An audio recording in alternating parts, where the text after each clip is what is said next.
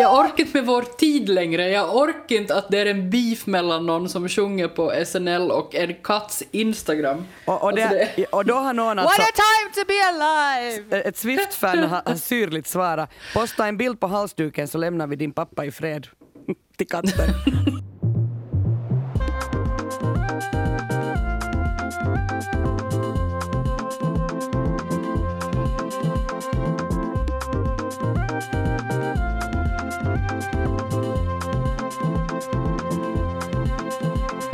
Välkommen till Sällskapet, en kulturpodd med samhällsperspektiv. Jag heter Kia Svetihin och med mig har jag Ellen Strömberg. Hej. Hej! Biffen Ahonen. Hej. Hej. Hej, hej, hej, Hej, hej. hej, hej. Välkomna. Hej, hej. Tack. Ellen, vad ska du prata om idag? Eh, jag ska försöka reda ut var eh, Taylor Swifts halsduk, var den är. Bra. Okej, eh, inga följdfrågor där. Biffen, vad ska du prata om? Jag har lidit mig genom Adeles nya skiva så jag ska prata om den. Okej, du, du gav din recension här märkte jag.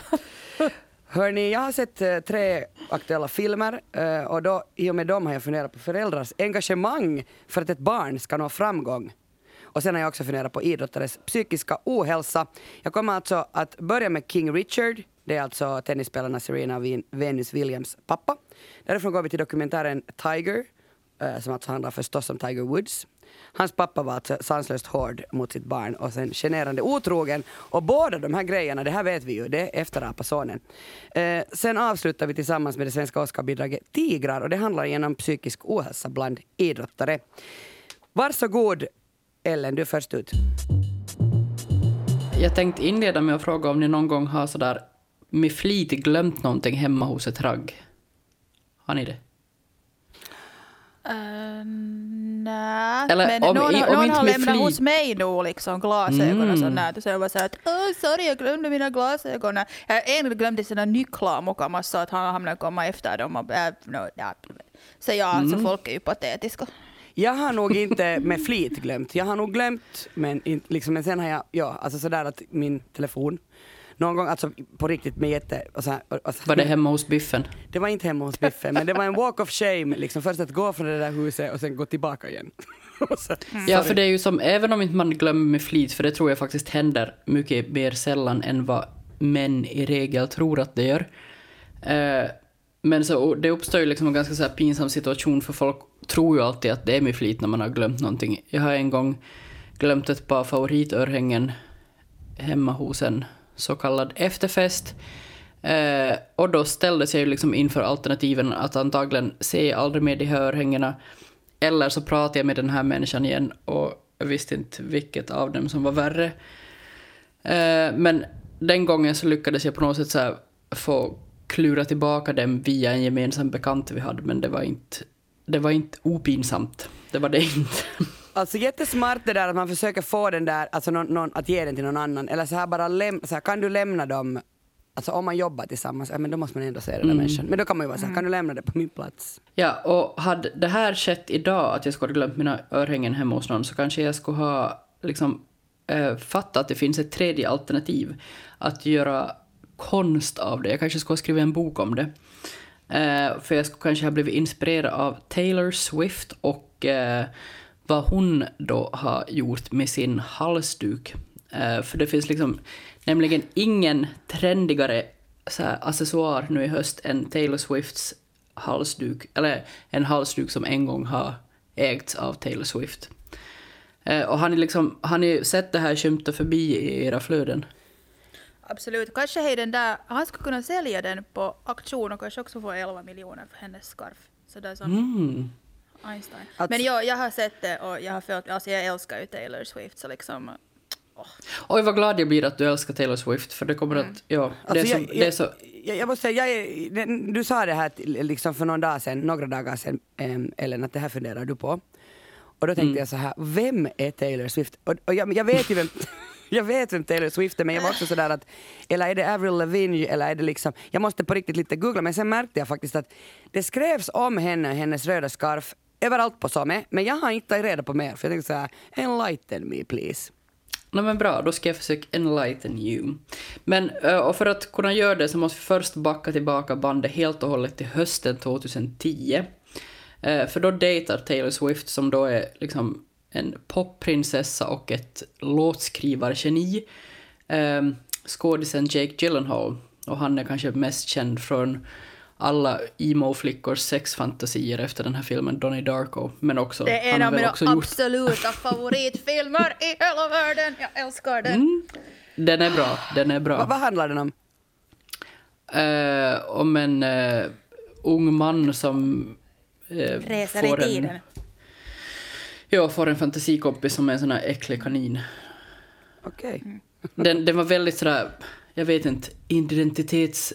eh, byggande när jag var typ 18-19. Då var det liksom alla som var coola så hade sett Donnie Darko. Ja, den är så bra och soundtracket är så bra. Det är liksom, åh, Ja. Alltså, jag, vi rekommenderar otrolig. att alla ska titta på den. Det är liksom... Åh, mm, åh. Ja.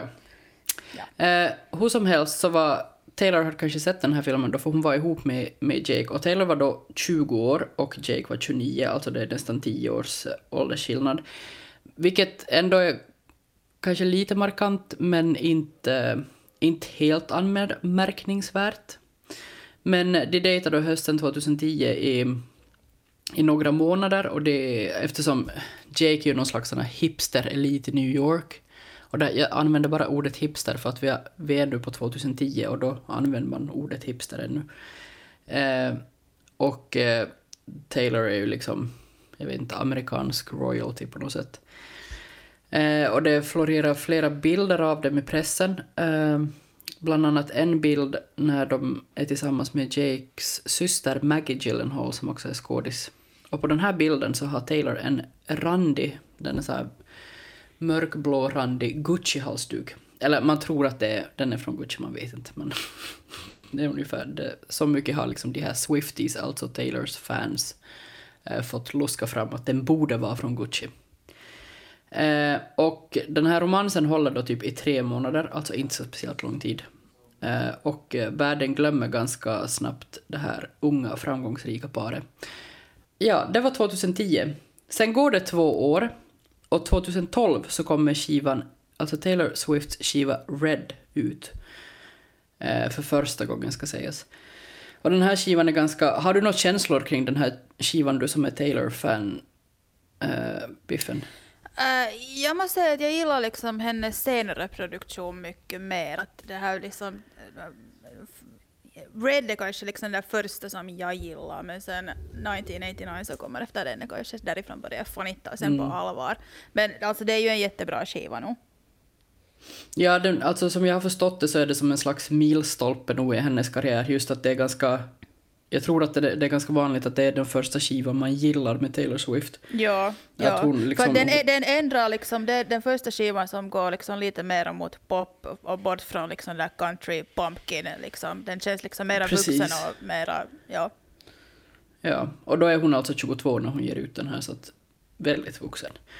Eh, men den skivan... verkligen. Ja, ja, det är ganska sjukt när man tänker på det, att hon är som 22 när hon ger ut den här. Mm. Men eh, den här, delar av den här skivan i alla fall, så sägs då handla om Jake Gyllenhaal och deras korta förhållande. Och man kan ju fundera hur mycket stoff det finns i en tre månaders romans, men tydligen finns det ganska mycket. Och Taylor är också Alltså hon har ju också skrivit andra låtar om andra förhållanden hon har haft och sådär. Och hon är ganska bra på att liksom ta de här... Eh, alltså liksom krama all smärta ur någonting. Men hon har också kallat liksom Red för att, eller hon har sagt nu senare liksom att Red är hennes som enda sån här breakup-album egentligen. Eh, fast folk liksom, speciellt om man vill vara lite elak, säger det att Taylor Swift bara skriver om sina ex-pojkvänner. Men... ehm, Vilket är helt löjligt. Jag tror att sådana som säger det så de har aldrig lyssnat på hennes musik ordentligt för att jag tycker att det, hon har verkligen bra låtar, fantastisk lyrik och liksom så här jättebra storytelling. Och, åh. Verkligen. Även du Kia som inte är något stort Taylor Swift-fan så har nog säkert hört låtar som eh, 22 eller We are never ever getting back together. Jo, absolut. Alltså, jag, jag vill faktiskt säga att jag menar inte att dissa nu Taylor Swift. Nu vet jag vem hon är. Jag har inte lyssnat så mycket på henne. Måste fråga ändå. Har hon någonting att göra med Dolly Parton? Är det, typ Mm. Eh, hennes, nej. det är inte hennes gummor? Nej. Blandar jag med någon Nej. annan? Det är Miley Cyrus. Miley det är Miley Cyrus. Cyrus. Okej, förlåt, nu blandar jag lite. Men, men okej, nej, jag har största respekt för, för de här popartisterna. Men nu, alltså, jag, jag kreverar. Vad hände med den där röda halsduken? Jo, vi, vi kommer till det. Vi, vi är riktigt strax där. Det är så spännande där. Bra att du håller, håller i den här tråden, för att Ja. jo, det behövs lite som backstory för att komma fram till den här halsduken.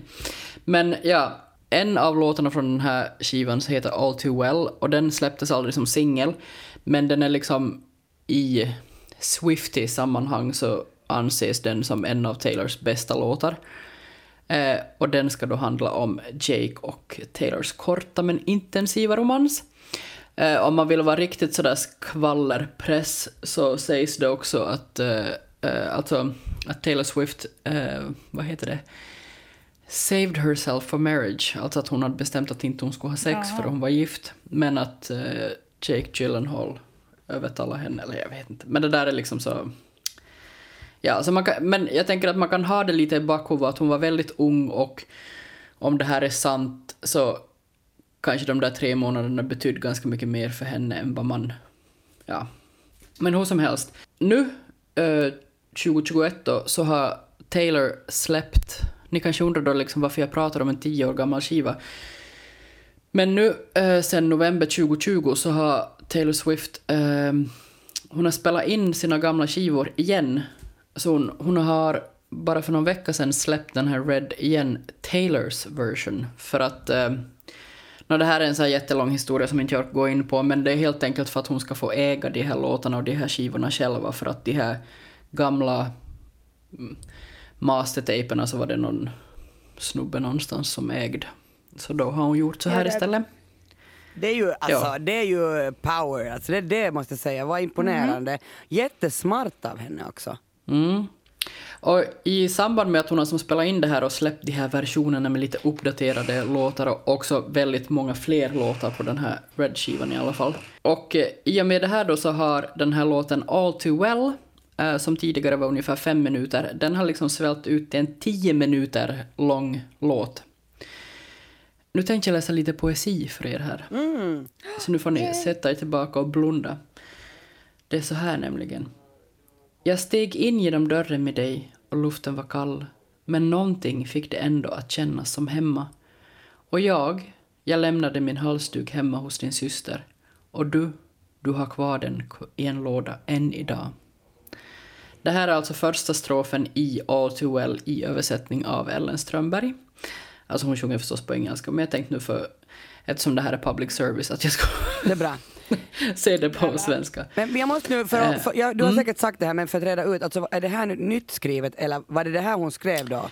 Nej, det här var, det här, den här versen fanns när All Too Well, alltså finns i original All Too Well också.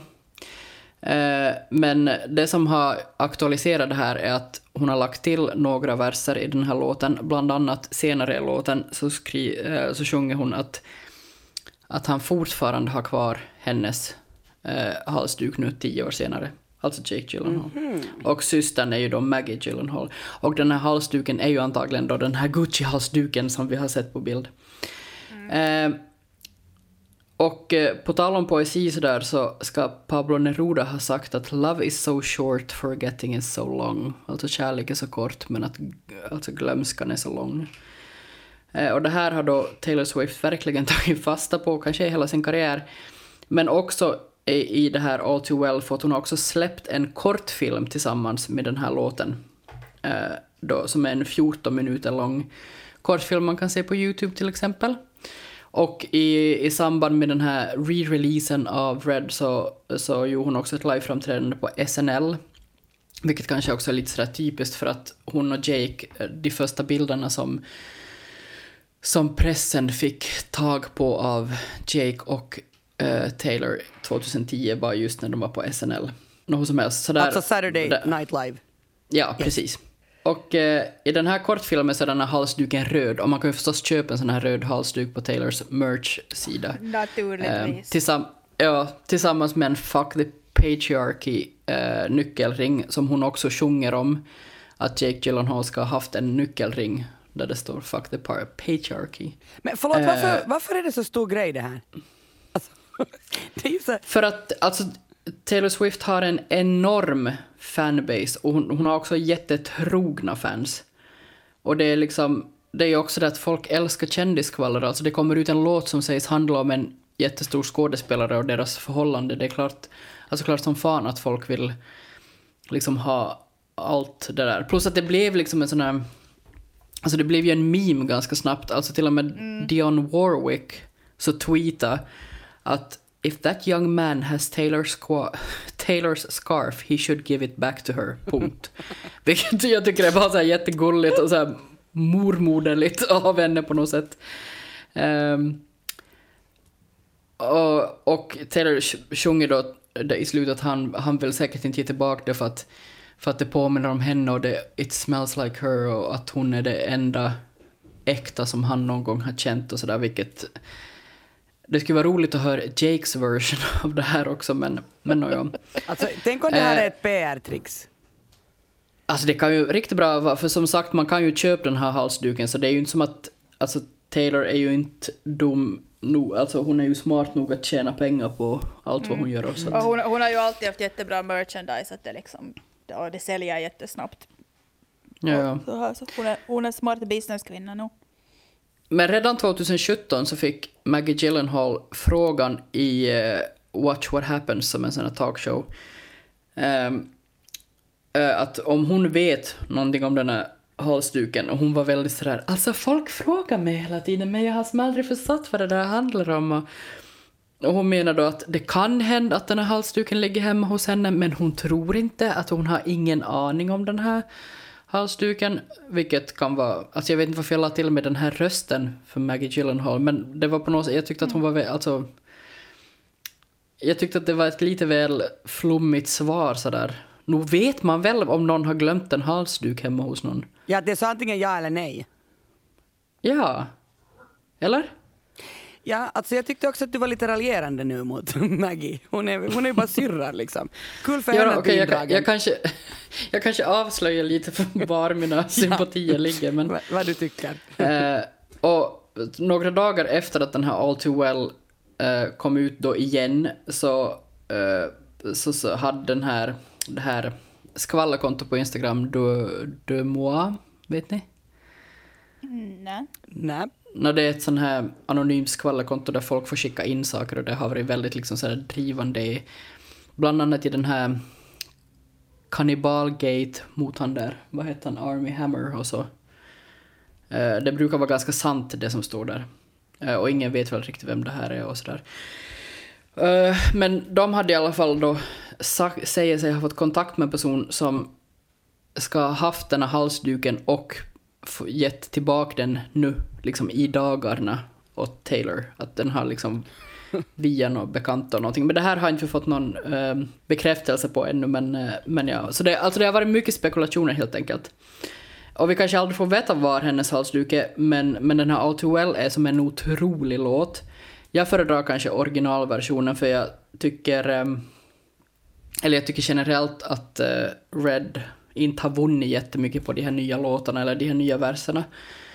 Plus att jag inte kan sluta tänka på för att jag var sjuk här om veckan och då låg jag och såg på allt som fanns på SVT Play. Och eh, då såg jag en pjäs som baserar sig på Liv Strömquists eh, seriealbum Den rödaste rosen slår ut. Och den här pjäsen heter Liv Strömquist tänker på sig själv. Har ni sett den? Eller har ni läst det här albumet? Jag har läst albumet. Mm, nej, Ja. jag, jag vet ingenting. Uh, no, det handlar liksom i korta drag om liksom, den går att se på SVT Play just nu och det, det får vara som ett sånt här eh, separat tips oavsett vad man tycker om Taylor eller inte. Det handlar inte om Taylor Swift men det handlar om alltså så här, kärlek i en senkapitalistisk tid och hur vi ser på kärlek och hur liksom på förhållanden och så. Eh, och en av, en av de här, hon, hon frågar sig bland annat till exempel varför Leonardo DiCaprio inte någon gång har något långt eh, förhållande, eller liksom varför han hoppar från ung modell till ung modell. Eh, och det kanske går... Alltså man kanske kan dra lite paralleller mellan Leonardo DiCaprio och Taylor Swift. Men en av de frågorna som jag tycker eller som jag har tänkt på mest efter att jag såg den här pjäsen, så det är eh, varför det är som så viktigt idag att vara den som går vinnande ur en relation. Jag tycker det är liksom, Taylor Swift är ganska symptomatisk för det här som Liv Strömquist pratar om, den här liksom k- kärleken och hur vi ser på kärlek och förhållanden i vår tid. För att hon har ju verkligen liksom blivit hånad för att hon liksom skriver, just, eller som vi pratade om, just det här att hon skriver väldigt mycket om sina ex, eller jag vet inte ens om det är väldigt mycket, hon skriver ibland om sina ex. Och att hon har också blivit så här kallad desperat och så här crazy Ja. ex-girlfriend. Eh, och det Men- kan... Ja. Jag tror att folk också är avundsjuka på henne för att hon har dejtat liksom verkligen, hon har dejtat Tom Hiddleston. Oh, God, han är så snygg! Tom Hiddleston. Alltså, vi- Hon har dejtat Harry, äh, liksom, äh, han den där Harry Styles och, och liksom, hon har dejtat Mm. de snyggaste männen i universum. Så klart att liksom folk är sen avundsjuka och bitchiga. Jag kan tänka mig att liksom, jag lovar, det är 99 procent är andra kvinnor som skäller på henne att hon, är, hon bara dejtar alla och bla bla bla. För att de är avundsjuka, det är så som det är. Ja, men jag tycker också att det är som att hela liksom den här, så här, jag vet inte, diskursen kring Taylor Swift är liksom på något sätt att hon gör sig så ovärdig för att hon vältrar i det här.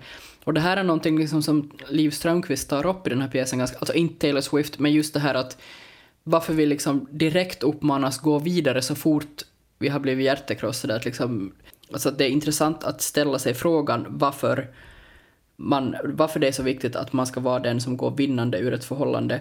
För nu, tio år senare, så har också Taylor lagt till några rader som har blivit sådär ganska virala i den här All Too Well, som annars är en ganska sådär hjärtekrossad historia. Men där, när hon sjunger det på, på Saturday Night Live så liksom blinkar hon till kameran och det är liksom ett sån här jubel som kommer från publiken när hon sjunger de här raderna. Um, och det här har jag ju också försökt översätta till svenska. Eh, och hon, eh, hon säger att jag har aldrig varit bra på att berätta skämt, men jag tror att, att eh, the punchline, det kommer inte på vad det heter på svenska, att the punchline är att jag blir äldre men dina flickvänner fortsätter vara min ålder. Eh, Burn. och Jake Gill... Ja. Och det tycker jag, jag tycker låten är bättre utan de där. Men det ska också sägas att Jake Gyllenhaal idag är 40 och dejtar en fransk modell som heter Jean Cadieux som är 25. Just det. Så. Jag läste någonstans faktiskt att, att man tror att, att Jake eh, Gyllenhaal har liksom svarat men, men via sin katt, eh, sin- hans katts Instagramkonto. Va? Ja, så han ska ha skrivit Har Jake Gyllenhaal skattat i? Äh, Nu älskar jag honom ännu mer. Ja, liksom. Meo, alla behöver lugna ner sig och sluta cybermobbas, skriver katten Miss Fluffle Stiltskin. Alltså, jag, Alltså, jag, ja. orkar, jag orkar inte med vår tid längre. Jag orkar inte att det är en beef mellan någon som sjunger på SNL och en katts Instagram. Och, och, det, Alltså, och då har någon What alltså, a time to be alive! ett Swift-fan har, har syrligt svarat posta en bild på halsduken så lämnar vi din pappa i fred. Till katten. ja, jag älskar det här. Nu får vi direkt i då, the queen of self-pity, för att Adele, hon, liksom, hon, hon vallar ju verkligen i det här att om, någon, om hon har blivit lämnad så liksom, hon glömmer nog aldrig det. Så det här, jag ska alltså snacka om Adeles nya skiva 30 som kom ut här i dagarna. Alltså jag älskar Adele, hon verkar vara en sjukt trevlig och rolig typ och, och, och man vill ju bara liksom vara hennes kompis men hennes musik har aldrig riktigt resonerat med mig. Jag, jag, jag säger inte att det är dåligt utan bara att jag inte riktigt får filis. För att där var liksom Taylor Swift och det som jag älskar med Taylor Swift, jag måste ännu lite prata om Taylor Swift, för att, för att hennes bitar är liksom sådär att, att hon alltid såhär att hej, felet är i dig och inte i mig. Och liksom, I love it, I love it, I love it. Hon sjunger till sina ex att liksom att, att, att se er alla i reven, jag vet att ni ännu tänker på mig, liksom, eh, you are not worthy, fuck you all. Um, och, och, och sen till exempel Dua Lipa, hon har också sådär new rules att, att, att hon ska inte svara i telefonen när hennes juntiga ex ringer och, och, och bara liksom såhär "Ugh." Men Adele, Adele, hon lyfter sina ex upp på en pedestal och vrålar att hon ska hoppas på att hon hittar någon helt likadan. "Ja, Jag hoppas att jag hittar någon precis som du. Uh, det, det, är liksom, det är hemskt, det, det är patetiskt, det, det är borderline stalker-beteende. Jag, jag gillar inte alls. Uh, uh, och, och, och, och sen får Adeles musik mina egna osäkerheter att bubbla upp för att jag får alltid liksom den här feelingen av hennes musik. Att, att, att den skulle låta så här sjukt bra om man just har blivit dumpad av sitt livs största kärlek och, och druckit två flaskor vin på tom mage. Uh, men jag har aldrig, aldrig den där känslan efter att en relation har spruckit, för jag är alltid bara så sjukt lättad över att vara singel igen. Det är därför som jag alltid dumpar först. Jag skulle säga att det är du som alltid har lämnat så, så du sjunger Ja. inte de här sångerna. Tänk hur många låtar det kanske finns som mig. Jag dejtar nog några musiker. eh, men, eh, men liksom, eh, inte finns det några låtar om mig. Om det finns så är de nog helt så här äckliga kattkärring. Uh, men anywho. Uh, anywho eh, hon, hon, hon liksom får mig att känna att jag har aldrig varit kär på riktigt. För mina emotioner är liksom verkligen inte på den här samma obsessiva nivå alls. Eh, Eh, så, och, och 30 är Adeles fjärde album. Hennes föregående album heter 19, 21 och 25. Och hon namnger ju alltid sina skivor efter sin ålder, vilket är rätt coolt. Hon är visserligen väl 33 nu, men hon har gjort den här skivan när hon är 30. Och 30 är väl snyggare än 33. Uh, eh, men man tänker alltid så att Adeles nya skiva, 76, är ute nu, men, men jag vet inte hur länge hon fortsätter med det här, vem vet. Uh, uh, förra albumet 25 kom sex år sedan, så folk blev förståeligt ganska begeistrade när stora billboards med siffran 30 började ploppa upp i oktober. Uh, och, det, och det säger ju en hel del om hur stor del är som artist, att man kan sätta upp en billboard med bara en siffra och, och hela världen vet vem det handlar om. Det, det är ganska nice. Uh, och, och sen folk visste att hon har skilt sig, så förväntningarna på alla tiders breakup-album var ganska höga. Och, och sen har hon haft en transformation som också har varit i rubrikerna. Hon har gått ner helt jättemycket i vikt. Och, men jag måste säga att jag tycker att hon har alltid varit helt sjukt vacker och, och att kommentera på någons viktminskning är liksom lika onödigt som att kommentera måste på kommentera på hennes viktminskning Kommentera, gör det. Nej Nå. men bara för, jag, alltså, jag, jag är jätteglad för hennes skull, hon ser ut att må Mm. jättebra. Det tyckte jag ju att hon gjorde tidigare. Men när hon ännu var liksom tjock så fick jag alltid höra att jag liknar Adele så mycket. Men nu har hon gått ner i vikt och nu har inte någon sagt att vi liknar varandra. dig. Ja, min enda kändis. bitch! Jag tycker inte ens att vi bitch! liknar varandra så mycket. Men det var enda gången jag hörde någon, att någon skulle ha sagt att hej, du liknar någon. I alla fall någon som, som är snygg. Jag tror att Mm, min bror brukar säga att jag liknar Susan Boyle ibland eller något sånt. Men, men, Nej! Nej, det gör du inte! nej men, ja, men så det, min, eh, min, eh, vad heter det, uh, kändis uh, lookalike är försvunnen för att Ja, Adele har gått ner nej. i vikt. Men alltså, eh, jag måste, du, eftersom du frågar nu Biffen och mig, och mig och Ellen, att vad tycker vi om skivan? Eh, vad tycker ni om skivan? Har ni lyssnat på den? Jag tycker att den är hemsk. Alltså riktigt ja, asig. ja, ja! Är den Alltså, inte? va? Är den inte? Den är Är den vidrig. inte? Alltså, för att jag var Den så... är helt vidrig! Jag var så här, nu Jag måste... hade svårt, om, om jag skulle hamna och recensera det så ska jag lyssna, jag skulle ha efter BC3 så skulle jag vara så att jag vill aldrig lyssna på det här skiten igen. Det här är helt fucking horrendous. Oh, Jag jag, satt har ändå alltså- försökt vara lite snäll men Jag, jag satt alltså på den för att jag tänkte så här, jag måste ju ha lyssnat på den när, när vi ska prata om den. Och jag kunde inte för den var så skit. Men alltså, Ja, och nu alltså, är med, va? ja, men jag tycker patetisk Disney. Det. Oh, förlåt att jag svär. Tack. Ah, Alltså, Men, nu okej, blev jag, jag blev så upprörd. I digress, I digress. Ja. Uh, och, och det jag ville säga, alltså, jag, jag, det är bara inte min musiksmak. Den liksom, det, Nej, jag har tyckt nej. om henne till, jag har till och med några av hennes skivor, men det här, det här funkar inte alls. Och sen tänkte jag så här, okej, igår kväll så kom den där konserten som hon då har släppt. Och så tycker jag det är så, hon är så upphausad på något sätt. Jag, jag, jag vet inte, jag, jag tappar lite sant. smaken för Det är sant. Och Jag, då, jag, behöver inte läsa resten av mitt manus för att allt kom här nu. och då råkar jag alltså sätta på uh, TVn, jag älskar ju alltså att titta på TV, alltså att titta på TV-program som, som någon annan väljer åt mig, inte själv. Alltså vad heter det? Ja. Broadcast Ja, ja. heter det kanske. Så det där, då råkar det vara exakt i det ögonblicket som Oprah Winfrey frågar, alltså det är ju någon sån här konsert hos Oprah. Åh, oh, suck jag är så trött på dem där. Så exakt i det ögonblicket som Oprah frågar att ja, du har ju gått ner i vikt och jag bara tänkte åh, och just det här måste ni då lyssna på. Men då blev jag lite irriterad på Del för då var Del så här, ja, jag har nu inte alls märkt att jag har gått ner i vikt och jag har nu inte alls gjort det här medvetet och jag har nu jag inte har alls... bara gått ner nästan 50 kilo men åh, jag märker inte ens det. Och det är så här, och det jag- är också ja. att hon har liksom... Åh, åh. Jag blev lite irriterad Ja, på det. För jag Men vad ska nog- hon göra då? Jag skulle, nog skulle hon ju bli ännu surare om hon skulle vara sådär Jo, jag har gjort så här. Det här är mina bästa gå ner i vikt-tips. Jag tycker också Ja, det är ganska det är skönt helt att hon är sant. bara Rebel, sådär. ja. Nej, vet du vad jag skulle Nå, vilja? ja. Att vi inte alls skulle prata om hennes vikt. Nej, det, det var ju det som jag också försökte. men Endast, jag endast därför att inte numera man kan säga då att, att Ellen du liknar, eh, nej förlåt, att Adele liknar Ellen Strömberg. Precis, precis, precis. Adele Men har tidigare tänk- liknat Ellen och nu är hon inte alls, nu är Adele inte lika snygg mer. Stackars Adele. Men jag menar... Men jag tycker Mm.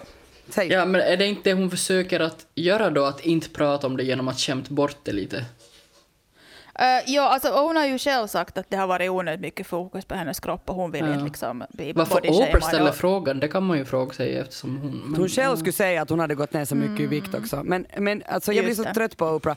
Eh, en annan sak som jag blev lite störd på, alltså det är det kanske Alltså, no, men hon är ju en, en superstjärna, det var kanske det som stör mig. Alltså att Spotify typ så här böjer sig för hennes krav, när inte de böjer sig för någon annans krav. Att, att hon har sagt till Spotify något sådant om, om alltså jag älskar den här shuffle-knappen för att, för att jag inte vill, alltså jag, jag förstår ju att här finns någon point med att man gör en skiva, eh, men alltså hon, vad var det hon hade krävt Biffen? Att, att man typ så här skulle ta bort shuffle?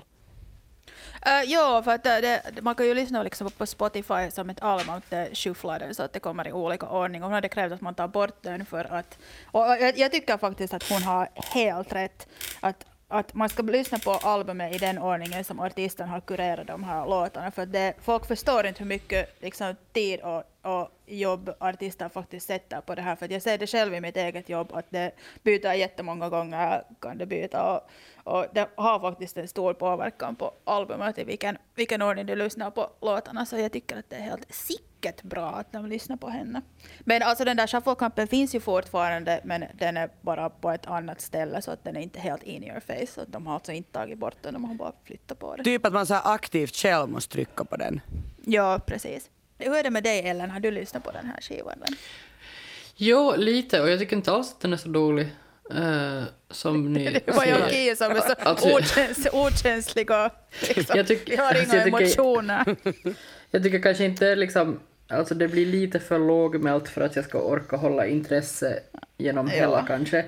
Men jag tycker, alltså jag är ju då lite team Adele i hur man hanterar känslor på något sätt. Eller jag tycker ju på något, på något sätt tycker jag att det liksom känns ärligare eller någonting att liksom vara, eller ärligare, nej men det känns mognare och på något sätt mer, ja, jag vet inte, jag är inte alls sådär, eh, vet du, dump that zero, get yourself a hero. Alltså det är inte riktigt min uh, jargong. Så jag tycker ju, jag tyckte ju att Taylor Swifts den där All Too Well var bättre när hon inte la till det här. By the way så sådär tycker jag att du har lite unga flickvän, alltså. Ja, jag precis. förstår.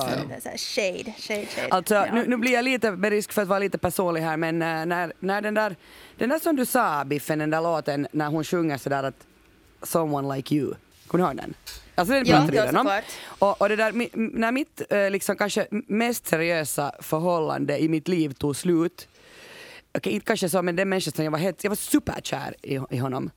Så då lyssnade jag on repeat på den här låten och, och den hjälpte på något sätt mig därför att den var just så, alltså det är som att jag lyssnade på, när jag var yngre lyssnade jag på, på den här uh, Sinead O'Connors version av Nothing Compares to You, Prince är det väl Just som har gjort den. Ja, Men så här, ja. tydligen funkar det för mig nog det här med att man riktigt ska gå ner sig i liksom hur illa man mår och hur mycket man bara vill ha tillbaka den där mannen eller kvinnan. Man vill ha tillbaka den partner som man har förlorat. Jag är inte så där att jag far ut och vill ha någon ny eller som du sa, dump, dump that zero, get uh, yourself a hero. Liksom, jag, det är inte min grej utan jag bara gråter där hemma och på alla sätt och vis hoppas jag att den här människan ska ta sitt förnuft till fånga och bli ihop med mig igen, vilket nu inte alltså då har hänt, vilket är jättetur. Så går det ett halvår och så börjar jag hata den här människan. Sen efter det så börjar jag bry mig inte alls.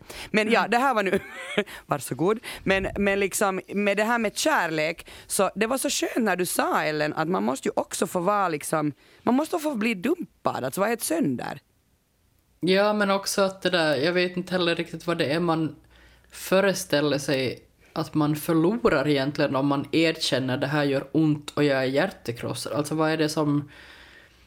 Alltså det är klart, ofta så har man ju åtminstone en period när man är sådär, oh, vad tänkte jag med det här, mitt ex är helt sjukt i huvudet. Alltså jag har ju också eh, sådana förhållanden bakom mig där jag som knappt kan ens, jag kan knappt tänka på att jag har varit ihop med den här människan för att jag, det jag skäms över är kanske inte så mycket eh, han, men det kanske är det att jag var så ung och dum. Alltså, eller det jag skäms över kanske är mitt beteende och min attraktion till den här människan som jag Ja. inte kan på något sätt stå för idag. Men alltså man måste... Nej, jag vet inte. Jag, jag, jag tänker att så här, överlag så skulle jag gärna se så här ett mjukare samtal kring, kring känslor. Äh, jag vet inte, jag vet inte. Men- Nu blir jag mitt i allt snart Team Taylor här. Ja. Men, men alltså för att eh, jag tänker också på det att, att när jag är tillsammans med någon så jag undrar det här med mitt jättedåliga självförtroende. För jag, det jag verkligen är livrädd för är att, eller jag, går, jag faktiskt här, när jag blir tillsammans med någon då tänker jag så här, när ska den här människan dumpa mig? Ja, ja, då är det bättre att själv dumpa först så att man inte liksom, då kan man leka liksom att hej, jag, jag ville ju det så här, då, då behöver man inte vara ledsen. Då Men Biffen, det där låter ju så hemskt. Alltså, det, det, det, så, så där kan man ju inte gå igenom livet. Don't watch me. Nej men alltså faktiskt så tänker jag ibland så här att är det därför jag är, nu också är singel för att så mina, mina den här breakups har varit så fruktansvärda, jag har mått så dåligt att jag liksom, jag gör inte det. Jag ställer inte upp på det. Mm, det är ju det. Och, och så trivs jag ju alltså ensam men, men ändå, men liksom, jag, jag har tänkt på det. Ja, är jag nu en Taylor Swift eller är jag en, en Adele? Jag är en Adele. Vi borde göra ett sånt här test som man kan Nej, ta reda sant. på. Såna Det är sant. Är du Adele eller Taylor Swift? Den börjar med att Adele då börjar sjunga att hon ska föra blommor till graven i sitt hjärta. Och man är så att okej, nu börjar den här självömkan.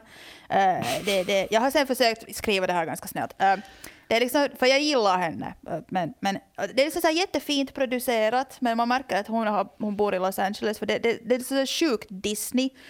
Uh, och, och sen kommer den första singeln Go Easy On Me, den är ju helt mysig. Hon, hon sjunger åt exmannen Simon Konecki att han ska vara snäll med, mot henne och med, med tanke på att han har fått 140 miljoner dollar i skilsmässan så beter han sig säkert nog helt bra.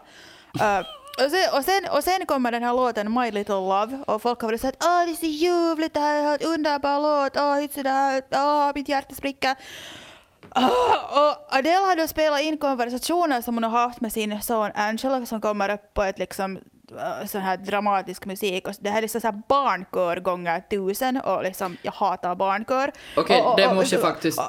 Men jag måste bara säga att jag, jag gillar visserligen den här skivan helt okej, men just det här med att sampla barn som pratar, det borde vara förbjudet. Oh, det borde verkligen vara förbjudet. Och sen när hon liksom hon fulgråter och sen sonen är nio och sen har hon sagt att jag har sjuk krabbis, jag vill bara vara ensam och kolla på TV, klädd i mysbyxor och sen så här dramatiskt fiolspelande liksom under det här och det, måste, det är så cringe, det är så cringe. Det är liksom så, jag hade så svårt, jag hade, det är liksom så, åh, det här är liksom så åh. Uh, så, så liksom i normala fall så skulle jag sluta mitt lyssnande där och vara så här att jag kommer aldrig att komma tillbaka till den här skivan ever again. Men uh, ja, I Soldier Dawn. Och, och- sen så kom det några sådana anthems som man, man ska bara gråta ut allt och njuta av att vara ensam och ha roligt och gå framåt och man ska dricka vin och vara nöjd med den som man är och man ska försöka imponera på folk som ändå inte bryr sig. Och, och låten heter I drink wine, så det är ju helt bra. Jag gillar också vin. Du kan jag relatera lite med Adele. Och sen i Woman Like Me så sjunger hon då äntligen om hur exet är en idiot och inte alls förtjänar en kvinna som hon. Så det är ju också lite så hallelujah moment. Uh, men, men sen, sen så skriker hon, hon skriker, hon har försökt sitt bästa i låten To Be Loved. Eh, uh, lite utdraget eh, och, och sen så det känns faktiskt att nu har hon då druckit två flaskor vin på tom mage i studion. Och jag skulle inte heller undra om hon snart lanserar ett eget vin och sen så kommer det ett boxset med vinyl och, och vin och ett glas, obs bara ett glas och sen ett paket näsdukar och en Bridget Jones DVD. Uh, och, och nu är hon ju då lyckligt ihop med den här sportmanagern Rich Paul, så kanske 35 är då lite kivogare. Men inte alltså, jag älskar den där idén äh, att hon skulle börja sälja liksom vin som man ska dricka Ja. och gråta. Ja. Alltså jag skulle kunna börja dejta igen för då skulle jag våga bli lämnad. För då, Ja, då har jag precis. Adele, jag har Adele-kittet där hemma. Dumpa mig bara. Precis, att liksom så här fem liters tonka med, med alla lyrikerna på baksidan. In i ett sånt här glasskåp sådär krossad Ja. vid emergency. ja, ja, ja, ja. Jag har många såna där hemma. Ja, helt kung. Men alltså ja, så om man inte liksom räknar det här dravlet med den här gråtande ungen som babblar och, och sådär, så det är ju alltså en helt, helt, det är en helt okej skiva om man är ett Adele-fan. Så lär man säkert inte bli besviken. Det är jättestor produktion och det är liksom sådär Whitney Houston och Diana Ross och Supremes och Sade vibes. Men, men, men liksom, nej, det, det är liksom för mycket och det, det, den kändes jättelång och tråkig och, och gnällig. Och, Och, och, och, sen liksom, Adele hon verkar liksom som person vara så här jättehumoristisk och, och härlig och hon svär och har sig men jag tycker att det, det, man hör det aldrig i den här musiken för att den här musiken är så sjukt seriös och det är så stora känslor och och det är liksom så här att jag tycker att det är liksom lite synd kanske men sen live så kommer den här rojsiga sidan mera fram och det här Del One Night Only från Los Angeles äh, gavs ut i samband med skivan och den finns nu på Yle Arenan så så jag, jag, jag, kände liksom inte Adeles nya skiva alls i hjärtat. Jag blev bara lite illamående. Äh, äh, men efter att den här skivan tog slut så tog då Tidals algoritmer över och sen kom Taylor Swifts All Too Well jag blev så glad. Jag började lite okay, halvgråta ju... för den är så fin. Och jag var såhär, ah mm. yes, äntligen. För jag har liksom såhär Taylor, hon sjunger åt mig. Och det är så härligt men Adele hon bara sjunger åt sig själv och gnäller och jammar. Uh, uh, och, och, och, och, sen så har jag gjort en liten haiku bestående av Adele-låtar. Så, uh, som jag tycker summerar hela hennes essens och den här kan också vara på den här vintonkan om någon vill. Hello, I found a boy Can't let you go. Oh my god. I miss you. I drink wine. Venus och Serena Williams är två fenomen. Två svarta systrar som har växt upp i Compton i Kalifornien på några av USAs hårdaste gator och sen mot alla odds så blir de världskärnor i den vita elitsporten tennis. Ni känner säkert till systrarna Williams. Mm. Och deras pappa då, Richard Williams, amatörtränaren, han är den här tjurskalliga excentrikern som driver experter till vansinne, men sen till sist så visar han hela världen. Nå, förra veckan hade filmen King Richard biopremiär världen över. Och jag såg då den här filmen och, och, det, där, och det verkar som att den här uh, Richard Williams, pappan, då haft två prioriteringar. Venus och Serena ska bli bäst i världen på tennis och den andra grejen är att han ska sätta sig på tvären mot varenda människa som försöker tala om för honom hur de ska tränas och karriärcoachas. Uh, King Richard handlar alltså om honom, pappa Williams, och spelas av ingen mindre än Will Smith som gör en Oscar-vinnande roll här om man får tro på kritikerna. Och Will Smith fick också då alltså blygsamma 35 miljoner dollar för sin oh! rollprestation. Oj, oj, oj. Tänk att liksom få både den summan pengar för den där rollprestationen och sen antagligen vinner man ännu en Oscar. Mm, mm. Han kan köpa tre Albert Einstein-anteckningar för det. ja, bra, bra uträknat här. Eh, sen ska man komma ihåg, om ni har tänkt att se den här filmen, att systrarna Williams är medproducenter till den och de har alltså godkänt den innan eh, de gav tillåtelse att de, deras namn också fick figurera mm. bakom filmteamet. Eh, vi tar och lyssnar. That's our job, to keep them off these streets. You want to check on the kids? Let's check on the kids. We got future doctors and lawyers, plus a couple tennis stars in this house. The chances of achieving the kind of success that you're talking about is just very, very unlikely. Okay, you're making a mistake, but I'm gonna let you make it. Watch me hit a few balls. All right. So tell me your names again. I'm Venus. I'm Serena. So what'd you think? I wrote me a 78-page plan for their whole career before they was even born. Yeah, baby, yeah! These girls so great, how come I've never heard of them? They're from Compton. Jaha, det var alltså ett klipp från filmen King Richard. Pappa Richard är ju verkligen berättelsens underdog. Han går omkring eh, med faktiskt sin lilla vikta flyer, eller man kan kanske kalla det för en broschyr, om sina flickor och deras förtjänster. Och de här små häftena så trycker han upp i händerna på varenda tänkbar sponsor. Och de här proffsen de himlar med ögonen och när Richard då säger så här, men ni måste hjälpa att träna mina flickor för de kommer att vinna Wimbledon. Och redan innan Venus och Serena är födda så gör Richard Williams upp en plan för, ena, för var och en av dem. Han planerar alltså i detalj hur de ska bli tidernas främsta tennisstjärnor. Och i den här planen ingår alltså att öppna dörren för andra svarta flickor världen över. Han är liksom superstrikt men kärleksfull patriark i en familj som består av, alltså han har inte bara de här två flickorna utan han har fem överpresterande döttrar och då förstås en jättesympatisk eh, mamma till sina barn och han är fast besluten att hans barn ska ta sig någon annanstans än till de här drog och brottsöverlastade gatorna i Los Angeles, eh, stadsdelen Compton. Det här är ju alltså en biopic, så det är ju liksom nog en sanning, väl, ur, ur de här flickornas eh, ögon också. Alltså man har ju inte man har inte varit extra elak mot pappan, fast man försöker ju visa att han är en översittare. Han är inte brutal, men han anser sig veta bäst i hela världen. Och idag anses faktiskt Serena Williams vara världens bästa tennisspelare. 23 Grand Slam-titlar i bagage. Och hennes eh, stora syster Venus Williams var tidigare världsetta eh, och hade vunnit då över 40 WTA-titlar eh, i singel och 20 i dubbel. WTA-tour, det är liksom det är där man, det är liksom serier tennisturneringar för kvinnliga professionella tennisspelare. Det, är liksom, det ligger till grund för rankingen. Så Okej. King Richard hade rätt. Vi, tar, vi går över till nästa eh, film, eh, Tiger på HBO. Han ska uträtta stordåd, han ska förena mänskligheten och likna en sån här ny Nelson Mandela eller Gandhi. Och det finns alltså ingen hejd i pappa Earl Woods profetia över sonen och då golffenomenet Tiger Woods. Och det den här pappan drar runt i, i talkshows och visar upp tvååringen som fick sin första golfklubba vid tre månaders ålder. Och sen har han stenhårt drillats för att bli världens bästa golfspelare. Och i början av 2021 så kom, släppte HBO en sån här tvådelad dokumentär om det här golfvidundret. Vi tar och lyssnar på en liten bit från den. When Tiger was 10 months old, I unstrapped him out of his high chair one day and he walked over and hit the ball. There it is. I said, Oh my God, I've got something special.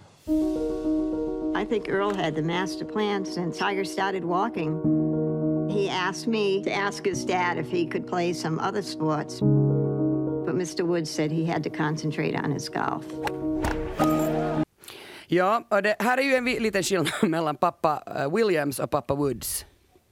Eh, Båda, å andra sidan, det tänkte jag på sen, de spelar båda alltså eh, så här vita elitsporter. Alltså golf är ju verkligen en elitsport för, för vita rika gubbar om, om man är fördomsfull och liksom samma med tennis är det ju liksom faktiskt en vä- väldigt vit sport. Men den här äh, pappa Earl Woods, ehm, han beskrivs äh, som faktiskt ganska vidrig. Och, och det där, han har, och, och själva liksom Tiger Woods ehm, är som en maskin konstruerad av sina föräldrar. Alltså han skulle döda sina motståndare och bli den bästa någonsin. Och, och det där, redan som bebis var han besatt och, och satt faktiskt i en sån här sittare och tittade när pappa Earl svingade klubban.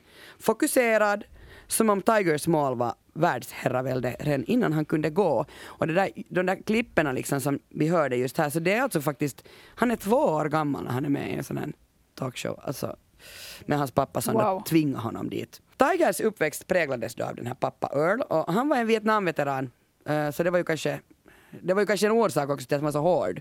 Eh, Men han skrävla brett, fästa hårt och bedrog ständigt sin thailändska fru faktiskt framför ögonen på eh, sitt barn.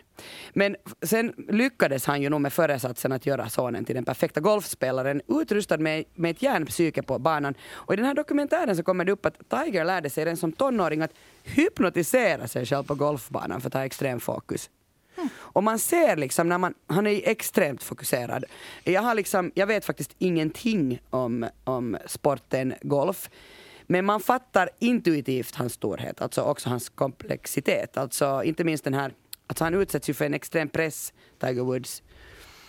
Uh, han går inte en meter utan att bli fotograferad, förföljd eller ifrågasatt. Och när han inledde sin karriär i mitten på 90-talet så fanns det fortfarande golfbanor som svarta inte hade tillträde till. Och uh, Tiger Woods betalade ju ett extremt högt pris för sin framgång, uh, mänskliga svagheter, ensamhet och ett ont arv av missbruk, både piller och, och sex, som slog tillbaka när Tiger Woods hade nått den absoluta toppen. Jag tänker så här, ni har ju, alltså, ni, ni, jag, jag vet inte om ni är golffans, det behöver man inte vara, men nu känner ni ju till Tiger Woods och hela den här, hans berg och dalbana. Ja, ja, ja, Ja, såklart. ja. Ja, ja. frun och... Den här eh, Tiger Woods då, han drar in miljarder, han gifter sig, han får barn, hans knä tar stryk, han spelar med ett brutet ben, han dövar, han bedövar sig med ett dubbelliv som avslöjas mer, mer eller mindre i liksom så här realtid och i livesändningar. Äktenskapet kraschar, Tiger Woods kraschar, ryggen kraschar. Och sen olyckan i februari i år så har han till slut, alltså helt för någon dag sen så twittrade han att han nu var tillbaka på golfbanan och att det känns bra men att den här rehabiliteringen tar plågsamt lång tid. Alltså en, en, en, jag skulle säga en slocknad stjärna kanske han är.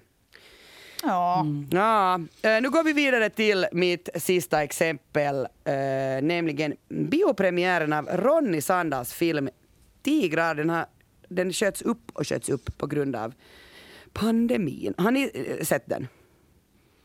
Nej. Uh, nej. Men jag har hört mycket om det. Um, efter att jag hade sett den så här faktiskt att ska man se en film i år så är det Tigrar. Sen så sa jag eh, Coupé 6, alltså den som Alltså Rosa liksom eh, romans, romanen eh, som sen sedan Kåsmannen gjorde film på. Och då sa jag så här, ska man se en film så är det Coupé 6. Så jag vet inte riktigt, men de är båda bra, de är båda Oscarsbidrag. I Finland fick eh, Ronny Sannas film Tigrar då alltså sin biopremiär med en perfekt försenad timing. Alltså jag tackar liksom pandemin för det här. För det blev på hösten efter sommaren i OS, eh, OS Tokyo där flera idrottare öppet äntligen berättade om att de mår skit. De mår dåligt. Psykisk ohälsa var liksom OS i Tokyo 2021. Um, ehm, det är alltså personer som amerikanska gymnasten Simone Biles det är den svenska cyklisten Jenny Risveds och den japanska tennisstjärnan Naomi Osaka och den finska simmaren Ari-Pekka Liukkonen som alltså faktiskt brutit mot vad som länge ansetts tabu inom elitidrotten, att berätta att man mår psykiskt illa. Filmen Tigrar är baserad på den avhoppade fotbollstalangen Martin Bengtssons bok, som, alltså det är en självbiografi som heter I skuggan av San Siro och den kom alltså den 2007. Och jag har precis äh, läst den här boken och i den så skildrar då Martin hur han som 17-åring värvas till Milano för att spela i Inter, det här är alltså en av de här stora klubbarna. Och den här unga fotbollsspelarens tillvaro blir ett liv i depressiv instängdhet. Och det här leder till slut att han försöker ta sitt eget liv. Filmen Tigrar äh, skiljer sig faktiskt ganska mycket från verklighetens berättelse men det handlar om samma ångest som i boken tar har helt alltså klaustrofobiska uttryck. Vi tar och lyssnar från, det här är alltså filmen Tigrar. Start in our Primavera team. Åk ner och gör oss stolta.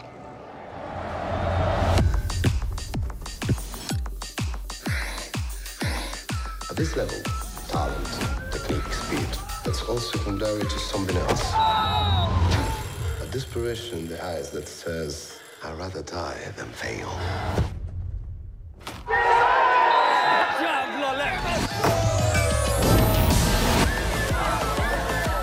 Ja, det handlar alltså om proff, äh, proffsfotisens baksida. Alltså fotbollsvärlden på elitnivå då. Och den är så extrem den där världen. Och, och så märklig. Alltså det är en värld där alltså, man köper ju människor i, i fotbolls, i liksom proffsfotis för enorma summor pengar. Och, och liksom för mig blir det så här, alltså det, det som är riktigt sjukt, det blir supernormalt i den här världen.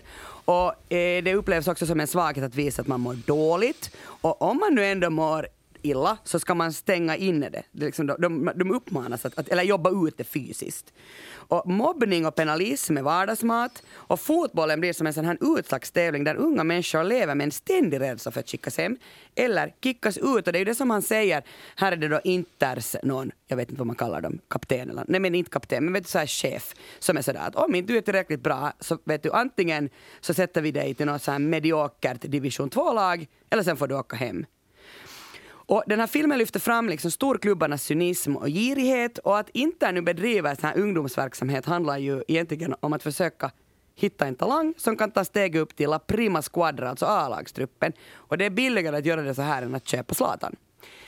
Uh, om tonåringar försöker bli fotbollsproffs utomlands eller hemma så måste de få rejält med stöd uh, från vuxna hela tiden. Och man måste liksom lära sig att titta mer holistiskt på vad en spelare behöver för att må bra i en sån här högpresterande miljö.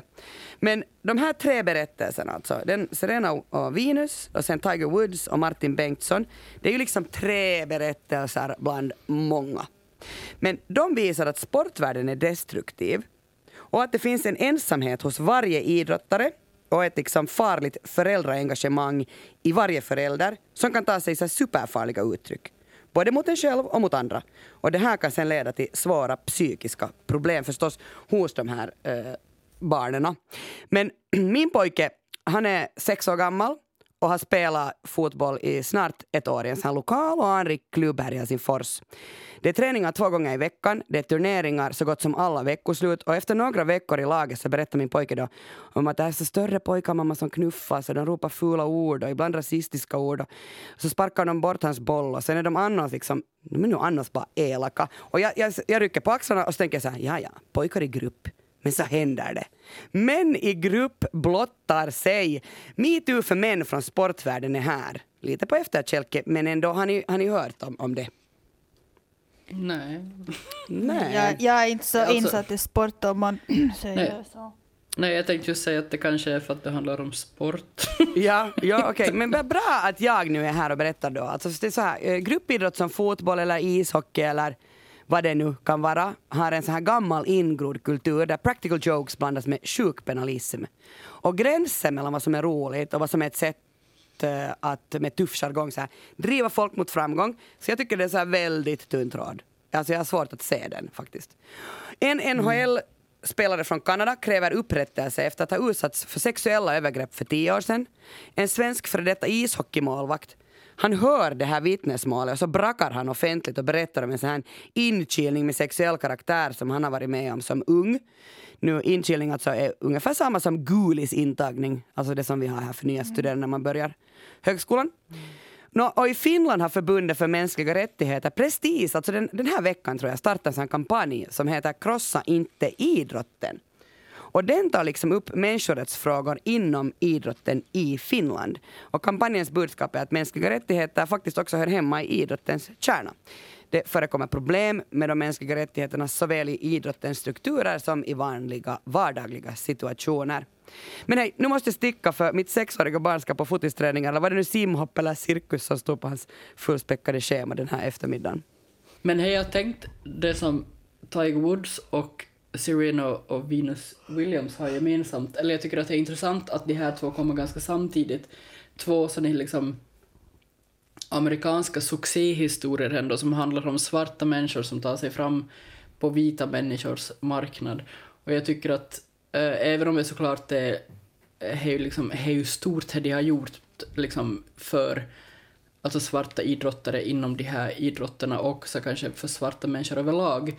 Alltså det är klart att det behövs eh, förebilder och så, men jag tror också att man ska vara lite försiktig med att använda dem som någon slags eh, kvitto på att det går att göra så här. Eller vet du, liksom att se ett år efter alla de här Black Lives Matter-demonstrationerna och så får vi liksom säga historier om, om att bara man har en lite säg, halvpsykotisk pappa som pressar en till liksom vansinnesgräns så kan man nog faktiskt också som svart göra nästan vad som helst, till exempel spela golf. Jag tycker att... Eh, Bra ja. point.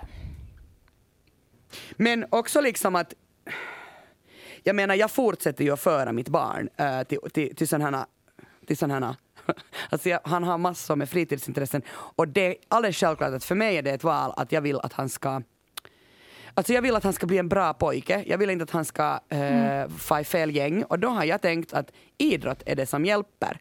Alltså har han fritidsintressen som han har att göra på eftermiddagarna så får han liksom inte, så när jag var liten så hängde jag i Borgå Dösis. Alltså Dösis är buss, busstationen. Och liksom vad heter en ligist? Den sen- finns inte mer. Finns den inte mer?